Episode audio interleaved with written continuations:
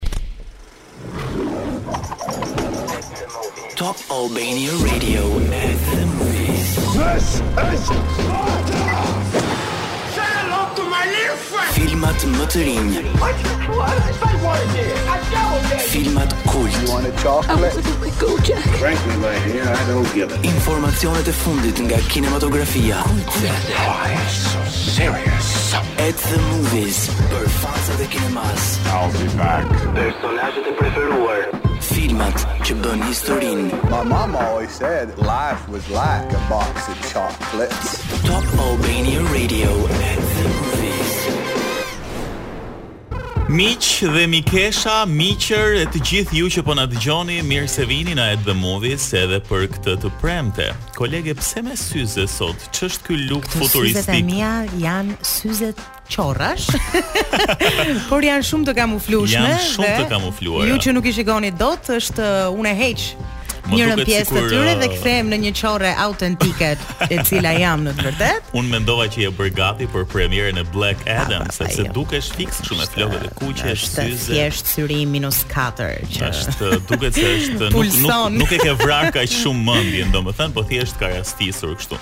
Megjithatë dukesh shumë interesante edhe me këtë luk. Unë ndihem pak çuditshëm që s'kam marrë syze dhe unë. Ndihem një njeri shumë i thjeshtë. Ti XXL ke syze, ke syze. Okej, okay, do t'i marr pas pak atëherë që të bëhemi të dy me syze. Super. Mirë, sot uh, jemi në program me dy premiera të reja, një film shqiptar dhe një film të huaj. Na kanë kënaqur këto filmat shqiptarë këto kohët e fundit. Po, Jam super fakt, super e lumtur dhe krenare. Besoj në shkollë të kujtohet shkëlqimi dhe rënia e shokut Zylo. Sa herë kemi bërë analiza. Mirë, që më kujtohet në shkollë, po është një shprehje që ma thoshte mami, duke më Po sa herë që bëj unë një veprim le të themi jo aq të pjekur, më thot mua, po pse e kështu më thot mua si shkëlqimi dhe rënia shokut. Është në fakt një një shprehje që e kemi dëgjuar jo vetëm në shkollë, uh, një vepër um, shumë e madhe e shkrimtarit Dritëro Agolli. Sigurisht ironia me këtë vepër është përdorur pafund uh, nëpër të gjitha fushat e tjera, por më në fund kjo vepër është kthyer tashmë edhe në një film. Dhe Ka ardhur si premierë në Cineplex, ishte ditën e djeshme dhe më bëhet shumë qejfi që ka vepra shqiptare që kthehen në filma dhe dëgjova që i kanë ndenjur 100% autentikë librit. Mm, por për këtë do dëgjojmë pak më vonë. Do dëgjojmë pak më vonë se do flasim edhe në pjesën e dytë së bashku me një nga aktorët kryesorë të Shkëlqimi dhe Rënia e Shokut Zylo. Do ta merrni pas pak vesh nëse është Zyla, Zylo apo Demka, se këta të dy janë personazhet mhm. kryesorë. Dhe Black Adam që vjen uh, me Dwayne Johnson, i cili duket se i qan ato filmat me Është i bërë për ato filma. Me, unë nuk e vlerësoj shumë te këto filmat serioze etj etj, po këto komikët aventurë dhe me superheronj i qan vërtet. Programin sot do ta nisim uh, me një këngë që vjen uh, nga Marvels, është pikërisht All the Stars nga Kendrick Lamar and SZA po e them kështu shqip dhe rikthehemi pas pak për t'u ndalur më shumë tek premierat e sotme. Mi, okay, më pëlqen të flas sipër kësaj kënge. U duk pak keq. Por që um, Nickelback janë gjithmonë shumë të mirë me të gjitha këngët e tyre. Ndalemi tani tek Black Adam. Në fakt i hoqe tani syzet e errëta. Tani jam një një qorre Më mirë ti mbaje se më frymëzoje më mirë për të folur për filmin. Megjithatë, nën ritmet e kësaj kënge ne do të zhvendosemi tani në Egjiptin e lashtë, mm. në një vend i cili quhej Kandaku. Dhe sigurisht kur flasim për Egjiptin na kujtohen faraonët, perënditë edhe fuqitë e tyre. Tani filmi nis kështu, është një personazh i cili quhet Teth Adam, të cilit iu dhanë fuqitë e perëndive. Dhe sigurisht kur një njeriu i jep fuqi, është shumë e vështirë pastaj për t'i kontrolluar dhe për t'i përdorur siç duhet këto fuqi. Dhe e njëjta gjë ndodhi, po themi, edhe me personazhin Teth Adam, ja ku po dëgjojmë dhe trailerin në sfond. Edhe ku... mënyra në fakt me sa pashë nga traileri se si i fitoi këto fuqi ishte pak Mm, pak po themi Nuk dua ta spoil fare po Pikërisht që... sepse ka një diskutim në rrjet që nëse uh, po themi Black Adam pra është një hero apo një villain, pra një po themi një, një kundërshtar. Megjithatë, pasi iu dhanë këto fuqi nga perënditë, i përdori këto për hakmarrje personale, për gjëra jo të mira dhe kështu perënditë e burgosën dhe nga Teth Adam uh, ai u bë Black Adam, pra Adami i Zi. Edhe jo për pak, për Për pesë mijë vjet qëndroi pikërisht i mbyllur dhe po themi personazhi i tij u kthye në mit, në një legjendë. Megjithatë, pas pesë mijë vjetësh ai tashmë është i lirë, sepse le të themi e kishte përfunduar dënimin e tij, megjithatë kishin kaluar pesë mijë vjet dhe bota kishte ndryshuar shumë. Ai sigurisht i ka ende fuqitë e tij, ndoshta edhe të përmirësuara, sepse nuk i kishte përdorur prej kohësh edhe po themi ishin akumuluar tani gati për të shpërthyer, Dhe i duhet të përballet tashmë me heronjtë e ditëve moderne, që janë Hawkman, Doctor Fate, Atom Smasher dhe Cyclone. Por nuk ishte komplet e rastishme besoj dalja e tij nga kjo burgosja. Ka shumë gjëra që duhet t'i zbuloni se janë disa mistere të vogla që e bëjnë shumë interesant filmin. Mua më pëlqeu shumë një gjë që në këtë film në rolin e Doctor Fate është edhe Pierce Brosnan, një ndër aktorët e mi të preferuar. Pashë edhe në trailerin e filmit që kishte një pjesë goxha të madhe aty. Dhe jo pa qëllim duket se Pierce Brosnan tashmë është një nga legjendat e kinematografisë, mua më pëlqen shumë sidomos tek rolet e tij në agjentin 007, domethënë 007 ai më i preferuar i të gjitha kohërave është me Pierce Brosnan. Megjithatë duket se edhe uh, Dwayne Johnson e ka pasur shumë për zemër këtë film, apo jo? Besoj i rri përshtat më shumë se disa nga filmat e fundit që ka qenë duke luajtur. Po, edhe duket se ka qenë edhe ideja e tij për këtë film, pasi um, ka treguar se që nga viti 2008 e ka patur këtë ide dhe dëshirën për të realizuar këtë film dhe meqë ka pritur për një kohë kaq të gjatë, kuptohet edhe se sa pasionant edhe me sa dashuri e ka luajtur uh, këtë rol. Pierce Brosnan është aty gjithashtu, ndërsa ka edhe aktorë të tjerë si Aldis Hodge apo Quintessa Swindle, ndërsa regjia është nga Jaume Collet Serra, i cili ka bërë edhe regjinë e filmit Jungle Cruise. Faktikisht ka bërë regjinë e shumë shumë filmave të mhm. tjerë. Mm -hmm. Po po themi me Dwayne Johnson është hera e dytë që punon pas uh, filmit Jungle Cruise me um, Emily Blunt gjithashtu që ishte mm -hmm. një sukses i jashtëzakonshëm. Megjithatë, Duket se uh, Black Adam ka bërë një paraqitje shumë të mirë edhe në box office, uh, sepse deri më tani në kaq pak orë po themi që është publikuar, pashë që gati kishte arritur në 100 milion dollarë, domethënë bileta të shitura deri më tani, që do të thotë është një sukses duke pasur parasysh edhe këtë kohën e shkurtër të premierës. Kështu që mm, Black Adam është padyshim një ndër filmat e pritur të vjeshtës, edhe është një zgjedhje shumë e mirë uh, për ta parë në kinema sepse filmat me superheroj me thënë të drejtën gjithmonë të shijojnë më shumë në ekranin e madh. Aq më shumë në fakt edhe kur bëhen nga një regjisor i cili zakonisht ka bërë filma horror, siç janë mm. The Shallows ose The Orphan, Edhe isha pak e surprizuar kur pashë që kush ishte regjisori i këtij filmi dhe isha like, po. wow, okay. Edhe edhe ishte pak edhe i frikshëm, ë, kishte ca skena që ndonjëherë po themi kishte ato dukeshin dora e regjisorit pikërisht. Kështu që le të themi që edhe pak i frikshëm ishte Black Adam. Kjo ishte premiera e parë për të folur tani për filmin shqiptar që nisëm të flasim pak më parë, Shkëlqimi dhe rënja e shokut Zylo. Edhe ashtu siç the edhe ti, tashmë për çdo personazh, po themi që ka një histori të ngjashme në jetë edhe i ndodh diçka, po themi pastaj e përdorim shkëlqimi dhe rënja e shokut XXL për shembull. Apo shkëlqimi dhe rënja e shokut Edi etj etj varet. A uh, kemi trailerin, ta dëgjojmë pak uh, qetësisht se e kemi dhe shqip më në fund e mund ta dëgjojmë. Zylo Kamberi.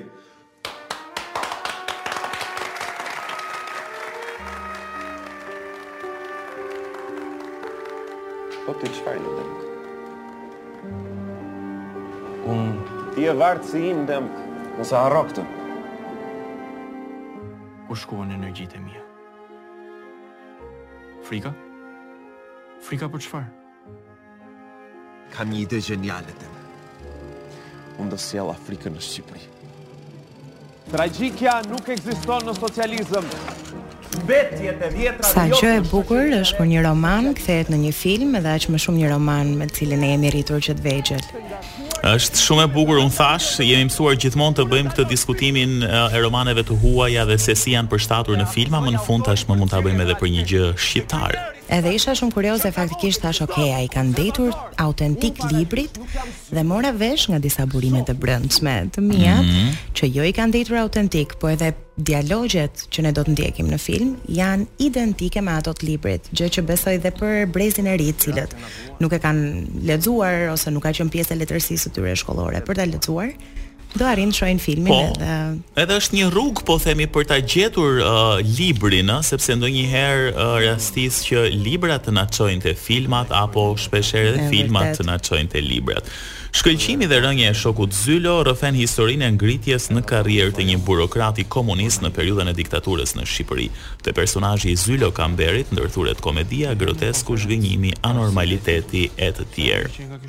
Padyshim që është një film i cili flet për periudhën e komunizmit, megjithatë tema është, është universale, po, po, po. Dhe aplikueshëm në kohët e sotme. Edhe në kohët e sotme, po sepse është e pamundur të gjejmë uh, elemente të tilla kudo, nëpër institucione, nëpër zyra, gjithmonë ka një personazh që janë ata njerëzit që e asocionojnë pushtetin me aftësinë, gjë që jo gjithmonë shkon bashkangjitur. Janë por... këta po themi që u servilosen njerëzve për të marrë një post, për të marrë një detyrë. Kjo ndodh në Shqipëri çuditërisht funksionon kjo ndonjëherë. Funksionon shumë, me thënë të drejtën, vetëm pa, duhet. vetëm varet nëse ti e ke këtë dëshirë për të qenë uh, një demka dhe një zylo, edhe çdo gjë funksionon më së miri. Aq më tepër kur flasim edhe për politikën shqiptare, çfarë nuk dëgjojmë ditë për ditë, është një temë shumë aktuale, sidomos në Shqipëri, edhe në botë, padyshim, po edhe këtu te ne është shumë aktuale. Duhet bërë trend tani që të fillojmë themi a je një demkë apo je një zylo. edhe edhe edhe në film pashë shumë skena zhvilloheshin në zyrë, sepse zyra është pikërisht mjedisi që i bashkon të gjitha personazhet Edhe shfaqet si qendra e burokracisë, është vendi që e përpunon dhe e tjetërson zyrtarin që e kufizon, e mbyll nga jeta e gjallë dhe njerëzit sepse këta persona, këta zylo që ndonjëherë fiksohen shumë pas punës, pas shkresave, pas gjërave të tjera, harrojnë më pas jetën e tyre edhe familjare edhe argëtuese edhe përqendrohen vetëm aty edhe bota e tyre sillet vetëm rreth punës, rreth zyrës, rreth arritjeve, shoku drejtor etj etj. Dhe ka shumë, ka shumë për të zbuluar jo më kot. Um, ky roman i botuar në vitin 1972 mbetet një nga librat më të lexuara edhe sot e kësaj dite, kështu që padyshim që filmi uh, do të jetë shpresojmë dhe jemi të bindur që do të jetë i një niveli të tillë me veprën e Dritëro Agollit. Duke parë edhe kasin e aktorëve, po. padyshim që do jetë shumë i mirë. Kemi Edhe kasi i aktorëve janë uh, shumë të mirë duke nisur me Aleks Seitajn i cili luan rolin e Zylos. Edhe Donald Shehut që do ta kemi pas pak në studio, por edhe Petrit Malaj, Sokol Angjeli, Kristaq Pilo, shumë aktorë të tjerë në fakt, kështu që për uh, shkëlqimin dhe rënien e shokut Zylo do flasim vetëm pas pak në pjesën e dytë të programit. Rikthehemi sërish në program 14:36 minuta shënon ora e saktë në fakt edhe ne jemi tani për të folur sërish për shkëlqimin dhe rënien e shokut Zylo, një premierë që ka ardhur ditën e djeshme në Cineplexx. Dhe pa dyshim një ndër uh, botimet më të mira të Dritëro Agollit, një ndër librat më të lexuar, një ndër romanet uh, doja të thoja më të arrira në letërsinë shqiptare. Dhe ta kthejmë këtë gjë në një film, Padyshim që është një arritje që e kemi bërë këtë gjë dhe tani ndoshta përveç kritikave pozitive që kemi parë deri më tani është mirë që ta shikoni dhe ju në mënyrë që ta vlerësojmë se sa po themi uh, regjisori dhe aktorët kanë bërë një punë të mirë për ta sjellë po aq mirë sa libri. Sa romani. Për të folur më shumë, kemi um, njërin prej aktorëve kryesorë në film që është Donald Shehu. Donald, përshëndetje dhe mirë se erdhe në program. Përshëndetje, mirë se u gjeta. Kënaqësi se jemi edhe për herë të parë uh, bashkë uh, në po. këtë program, se ne i dedikohemi vetëm filmave, po s'na ka rënë, po themi që të jemi. Po, filma shqiptarë bëhen pak këtu te ne, kështu që. Po, e vërtetë ndoshta. Kjo është arsyeja që shihemi pak më rrallë. Aleks Seitaj dhe ju jeni po themi në dy rolet kryesore dhe tani me sa po kuptoj Aleksi është shoku Zylo dhe ti duhet të jesh Demka në mos gaboj? Po, unë luaj rolin e Demkës, ndërsa Aleksi është Zylo. Tani ë uh, nuk e di tani moshën tënde të saktë dhe nuk dua të të pyes. Ah, po. Por doja të thoja uh, si e gjete veten në këtë kohën e komunizmit. Ne të gjithë kemi pa edhe ne që s'jemi ai brez, po themi, kemi parë, kemi lexuar, dim shumë për atë gjë, po nuk e di sa e vështirë uh, ishte të përshtateshe njëherë me këtë ambient përpara se të shkojmë te roli jot. Atëherë që ta filloj që kështu un jam 27 vjeç. Edhe patjetër, siç e the edhe ti, ne nuk e kemi jetuar. Mm -hmm. Pothuajse fare atë kohë. Po në Të tërën unë mendoj që filmi ose ajo për të cilën ne kemi punuar nuk futet aq thellë sa ç'ne e njohim diktaturën, pra për të pasur atë pjesën e dhunës, ato nënshtrimet që janë mm -hmm. për mhm. më tepër filmi kam përshtypjen dhe libri është përshtatur asaj marrëdhënies njerëzore midis njerëzve, po, më shumë është përqendruar te fenomeni, po, po themi. domethënë marrëdhënia e punës, marrëdhëniet në çift, marrëdhëniet mm -hmm. e mhm. dashurisë, marrëdhëniet me kolegun, Dhe janë këto gjëra që mendoj që janë edhe në ditët e sotme. Pra, ai libër i shkruar në vitet kur ti e the, domethënë, mm -hmm. e e ka shkruar me aq mjeshtri autori Dritëro Agolli sa që ka arritur ta ta përçojë mesazhin edhe në ditët tona. Pra, ai fenomen, fenomeni i shefit dhe vartësit mm -hmm. ekziston edhe sot në ditët tona. Më dhe shumë mendoj, se kurrë madje. Patjetër, dhe mendoj që pavarësisht aty i gjithë filmi është i përshtatur për në atë kohë. Duhet të jemi të jemi realistë, domethënë nuk ka asgjë sa i përket ditëve tona. Po patjetër, domethënë përmes veshjeve, përmes mënyrës së dialogimit, përmes mënyrës së shprehisë ne kemi hulumtuar dhe të paktën unë si aktor po edhe aktorët e tjerë bashkë me regjizorin kemi kemi bërë një punë shumë të madhe edhe për sa i përket kohës se si ka qenë atëherë dhe mënyra e përshtatjes në atë kohë.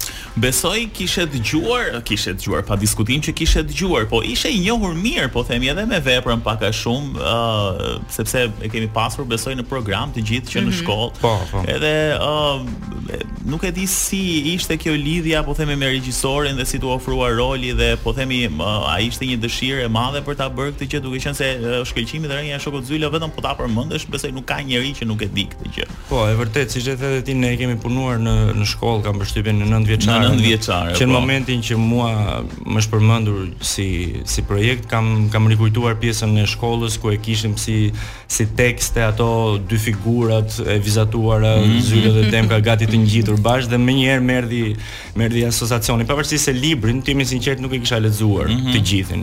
U detyrova, u detyrova. duhet ta lexoja pas po, po. pas marrjes së rolit, po për pjesën e pranimit në në film ose marrjes nga regjizori ka qenë diçka krejt natyrale, domethënë unë më është bërë një propozim rreth vitit 2020, domethënë ajo pjesa e pandemisë rreth po, po. ka qenë fundi i majit, më duket ku Lorin Terezi, një regjisor tjetër shumë i mirë dhe mik i imi, më propozoi që të bëja një audicion, sepse ai merrej me castingun atë kohë. -hmm. për të bërë një audicion për uh, shkëlqimin dhe rënien e shokut Zylo, domethënë ishin këto kontaktet e para, më pas kam kontaktuar me me regjisorin me Fatmir Koçin, më shumë kemi kontaktuar përmes telefonit se ishte ajo koha pandemisë, unë i dërgoja video, ai më dërgonte një copë skenari, më jepte disa propozime se si mund ta mhm. realizoja dhe pastaj erdhi gjithçka natyrshëm. Ai si duket është bindur, u bind në atë që pa.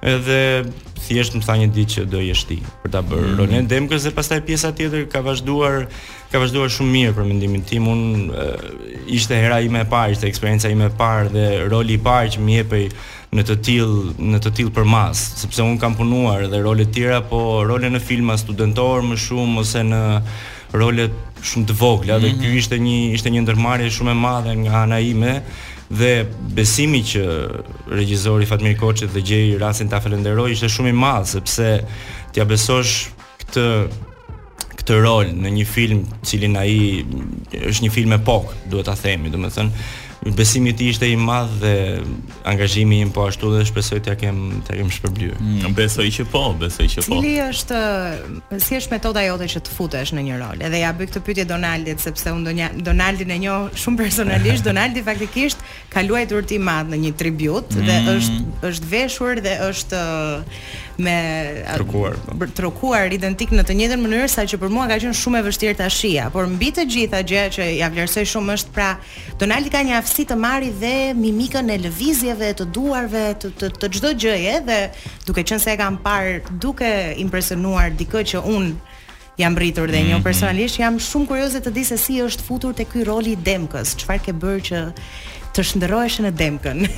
Atë unë të falenderoj për për atë që the dhe ishte një moment kështu sepse më kujtove gjithçka. Ka vështirë të bëj një gati një vit tash. Mm -hmm. Po erdhën ato kujtimet. Ë uh, shiko, ë uh, të të isha Demka ose të përpiqesha të futesha në ishte një gjë e panjohur për mua në radhë të parë sepse ndryshe un jam më shumë ose jo jam më shumë po më ka rënë rasti më shumë të jem pjesë e teatrit. Mm -hmm. Pra duke pasur që filmi tek ne është më më i rrallë, teatri është gati gati çdo çdo muaj ka ka shfaqje teatrore dhe ti mund të jesh aty.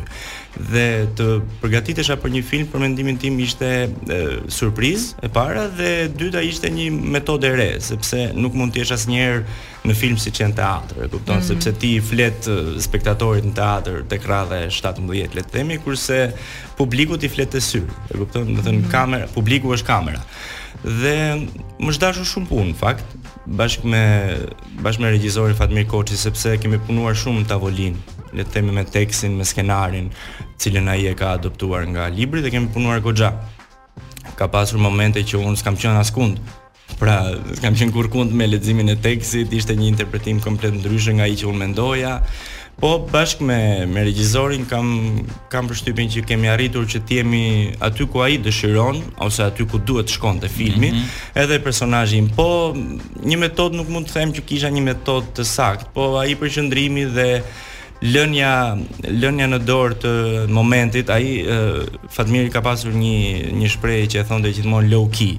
Mm -hmm. Pra duhet të jesh gjithmonë low key, ai është sekreti. Sekreti është low key dhe mendoj që duke patur gjithmonë këtë në mendje dhe duke pasur uh, parasysh momentin, pra momenti i xhirimit dhe momenti i skenës, mendoj që ja arrita dhe sepse 3 ditët e para, ndjesë qoftë se po zgjatem, po 3 jo, jo, ditët e jo, para ishte ishte pak uh, ngërç për mua. sepse unë kam drejt e tranzicionin nga teatri në film. Unë kam pasur, nëse kanë qenë 31 ditë xhirim, unë kam qenë 31 ditë. Mm -hmm. Nuk kam mhm. pasur le të themi asnjë pushim. Dhe një ditë pushim që kisha ma vun, ma vun xhirim, e kupton. Po, edhe 3 ditët e para ishin pak ngërç, pastaj kam kaluar një periudhë të mrekullueshme, domethënë pjesa rrodhi vetë, xhirimet rrodhën vetë dhe gjithë ngrohtësia që më ka dhënë, jo vetëm mua, gjithë aktorëve, gjithë ngrohtësia që nuk mund ta kishim nga moti, sepse mm -hmm. atë vit ishte një ftohtë i po, tmerrshëm, domethënë kam parë në fakt edhe unë kam rastisur në një skenë kur po xhirohej mm -hmm. uh, filmi, ishte jashtë diku uh, në mos gaboj tek bulevardi, nuk jam shumë i sigurt ku kam parë një skenë të vogël. Kam përshtypjen këtu afër po, tek po, Te ish kolonat. Te ish kolonat dhe ishte vërtet ftohtë edhe po lëviznin këta me ato kostumet e kohës e tjerë, tjerë ishte një një skenë shumë. Ne ka qenë Ka pas diell aty, po ditët që ne kanë qenë më të ftohta kur kemi xhiruar në Maknor. Është një fshat mhm. afër mm -hmm. Pezës dhe ishte ai vit kur ra dhe borë. Domethënë ato ditë kanë qenë dhe ne ishim me triko leshi poshtë dhe me kostume. Dhe atë ngrohtësinë që nuk na e dha moti, ma kanë dhënë, na e kanë dhënë të gjithë, të gjithë pjesëtarët që kanë qenë aty, që na shikonin dhe të gjithë njerëzit që kanë marrë pjesë në këtë film, që që dua t'i falenderoj nga i pari tek i fundit. Okej, okay, mirë. Uh, XXL kemi kohë për t'u rikthyer pas pak. Uh, Okej, okay, atëherë edhe na jep edhe 1 minutë kohë uh, për të bërë uh, një përmbyllje sepse kam edhe dy pyetje të fundit uh, për Donaldin. Edhe një për xhirimet është uh, zyra thuhet aty tek romani që mm -hmm. po themi është uh, vendi kryesor ku zhvillohen ngjarjet. Po Po. Po themi ë në xhirime ka pasur më shumë ë brenda apo ka pasur edhe po themi ë xhirime që janë bërë edhe në ambient të hapur, nuk e di në vende të tjera. Ë pjesa më e madhe e xhirimeve kanë qenë interier, pra domethënë kanë qenë brenda. Në zyra apo në, në institucione, shtëpi. Po, po, në shtëpinë e Demkës, në shtëpinë e Zylos, në pjesa e zyrave, po ka pasur edhe ambiente jashtë. Po siç dim ngaqë Filmi ishte një kohë tjetër dhe ishte pak e vështirë ta përshtasje në jashtë, në ambient jashtë për shkak të borive. Po, po, po. Nuk ka pasur shumë makina dhe edhe pjesa ku ti sapo the tek pjesa ish-Kolonave ka qenë pak problematike sepse ka pasur shumë makina. Mm -hmm, po, po, po pjesa po, po. më e madhe kanë qenë interier, nëpër pjesët e zyrave, sepse vetë vetë libri, vetë filmi mm -hmm. e trajtonte më shumë atë pjesën zyrtare. Absolutisht. Mirë, e fundit është, ne kur po flisnim në fakt për filmin, të cilin ju tashmë e keni në Cineplexx TEG dhe mund ta shikoni në çdo moment, do mund të prenotoni biletën tuaj në aplikacion, mund të shkoni atje për të parë edhe performancën e aktorëve. A më the që ishe duke bërë prova me çfarë po angazhohesh momentalisht, besoj në teatër apo jo? Po, atëherë Ne sapo kemi nxjerrë në Teatrin Kombëtar sapo ka dalë premiera e re e quajtur Ivanov mm -hmm. nga Anton Çehov me regjisor Hervin Çulin. Domethënë e ka pas premierën të shtunën dhe besoj do të vazhdojë deri deri në mesin e nëntorit, deri nga data 13 nëntor dhe unë ftoj gjithë publikun artdashës dhe teatërdashës që të të na bashkohet, por njëkohësisht jam duke bërë edhe një projekt të ri tashmë në teatrin eksperimental tek përsa i përket fondit të, të rinjve, që është hapur në Teatrin Eksperimental me mbështetjen e Ministrisë së Kulturës me shfaqjen Koloneli Zog me regjisor Xhuliano Brisku. Edhe okay. besoj që do jetë një një sukses i rrallë. Absolutisht edhe teatri sa mirë që e kemi më shpesh, e kemi shumë shpesh edhe shpresojmë që edhe publiku në teatër të rritet. Kishte një periudhë që u rrit shumë, në fakt pandemia ndikoi mm -hmm. pak keq në këtë, po shpresojmë që të kemi një një rikthim po aq të fuqishëm. Donald, faleminderit, ndoshta ishte pak kohë, po i thamë gjërat më jo, kryesore. Jo, besoj që thamë. Dhe sigurisht të gjejmë në në film dhe shpresojmë që të jetë sa më i suksesshëm edhe sa më i arrirë. Faleminderit dhe suksese. Faleminderit. Faleminderit. Mirë. Do ta mbyllim, do ta mbyllim të gjithin. Uh, ok, shumë faleminderit që ishit pjesë uh, e programit uh, për sot. Ndërkohë ne do të jemi sërish të premten e ardhshme. Mm -hmm, shijojeni fundjavën. Me premiera të tjera që vijnë në Cineplexx, një tjetër film shqiptar i cili do të vijë dhe do të flasim shumë për të pasi është shumë i rëndësishëm, kështu që mm, qëndroni me programin tonë çdo të premte. Ndërkohë, gjithë intervistën e gjërat e tjera mund t'i gjeni në YouTube aty ku i keni të regjistruara në podcast e çfarë të doni ju. Faleminderit dhe mirudëgjofshim, kalofshi bukur.